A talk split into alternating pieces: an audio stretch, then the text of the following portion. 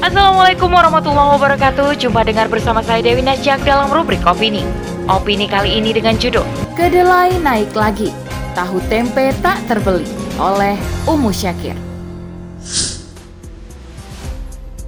Bukan karena ketidakmampuan dalam negeri memenuhi kebutuhan Namun Terikatnya negeri ini dengan kesepakatan internasional menjadikan gagalnya swasembada pangan.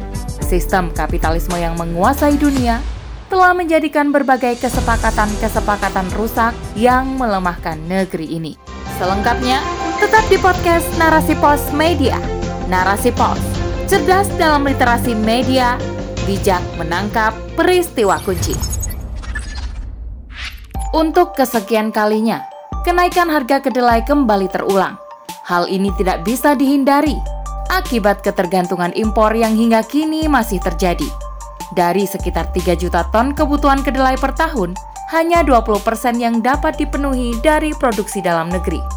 Sisanya dipenuhi melalui keran impor. Bahkan, menurut data Badan Ketahanan Pangan di Kementerian Pertanian, produksi dalam negeri hanya 10%, sedangkan sisanya 90% melalui impor.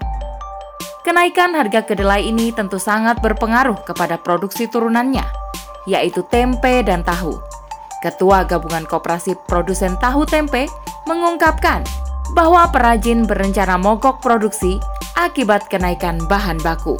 Meskipun mogok produksi tidak dilakukan secara nasional, dan Kementerian Perdagangan juga telah berupaya untuk menaikkan harga tahu tempe, namun solusi yang diberikan belum menuntaskan permasalahan harga kedelai. Sejatinya, permasalahan terkait kenaikan harga bahan baku pangan dalam negeri tidak akan pernah terselesaikan secara tuntas jika pemerintah enggan melepaskan diri dari cengkraman penjajahan yang memaksa negeri ini untuk membuka keran impor atas nama Perjanjian Perdagangan Bebas Dunia. Indonesia yang telah bergabung dengan World Trade Organization atau WTO sejak tahun 1950 telah melahirkan berbagai kebijakan yang menyusahkan rakyat. Kesepakatan yang terjalin dengan perdagangan bebas dunia melarang negeri-negeri yang tergabung di dalamnya untuk melakukan swasembada pangan. Bahkan, Indonesia pernah mendapatkan gugatan dari Amerika Serikat dan Selandia Baru atas kebijakan pemerintah yang berusaha melindungi pangan produk petani dan nelayan kecil. Brasil pun menggugat Indonesia di WTO terkait impor daging ayam. Akhirnya, mau tidak mau Indonesia harus membuka keran impor untuk komoditas ayam dari Brasil setali tiga uang pada permasalahan impor kedelai. Padahal, kebijakan impor pangan bertentangan dengan Undang-Undang Pangan Nomor 18 Tahun 2012 yang menyebutkan keharusan pemerintah mengutamakan produksi dalam negeri dalam pemenuhan pangan. Jelaslah, bukan karena ketidakmampuan dalam negeri memenuhi kebutuhan, namun terikatnya negeri ini dengan kesepakatan internasional menjadikan gagalnya swasembada pangan. Sistem kapitalisme yang menguasai dunia telah menjadikan berbagai kesepakatan-kesepakatan rusak yang melemahkan negeri ini. Padahal Allah telah mengaruniakan tanah yang luas lagi subur kepada negeri-negeri muslim.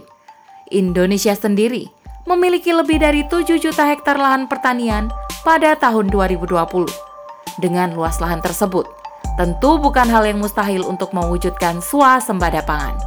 Namun, Selama sistem kapitalisme terus diterapkan, swasembada pangan adalah hal yang utopis untuk dicapai. Kapitalisme lah yang menjadi biang permasalahan negeri ini.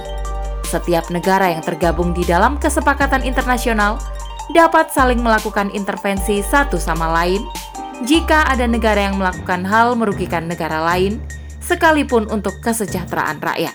Maka, solusi fundamental bagi berbagai permasalahan termasuk harga kedelai, adalah dengan kembali kepada sistem Islam. Islam akan mendorong negara memfasilitasi berbagai kebutuhan pertanian, memberikan akses yang mudah dan murah terhadap lahan, pupuk, dan modal bagi para petani.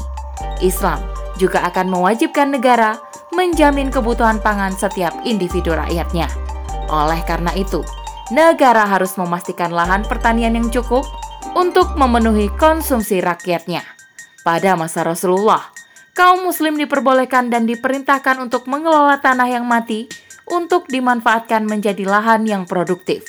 Tanah mati adalah tanah yang tidak tampak dimiliki oleh seseorang dan tidak tampak oleh bekas-bekas apa pun seperti pagar, tanaman, pengelolaan, ataupun yang lain. Siapa saja yang telah menghidupkan sebidang tanah mati, maka tanah itu adalah hak miliknya. Hadis riwayat Bukhari. Dengan memaksimalkan lahan pertanian yang ada, negara dapat mencukupi kebutuhan dalam negeri. Selain itu, untuk peningkatan hasil panen, negara harus memfasilitasi penelitian dan penemuan yang dilakukan oleh para ahli pertanian agar hasil panen berbagai sumber kebutuhan pangan mampu memenuhi seluruh wilayah. Swasembada pangan hanya akan terwujud dengan kembali kepada sistem Islam, yakni sistem yang berasal dari pencipta yang maha pengatur. Wallahu a'lam bisawab.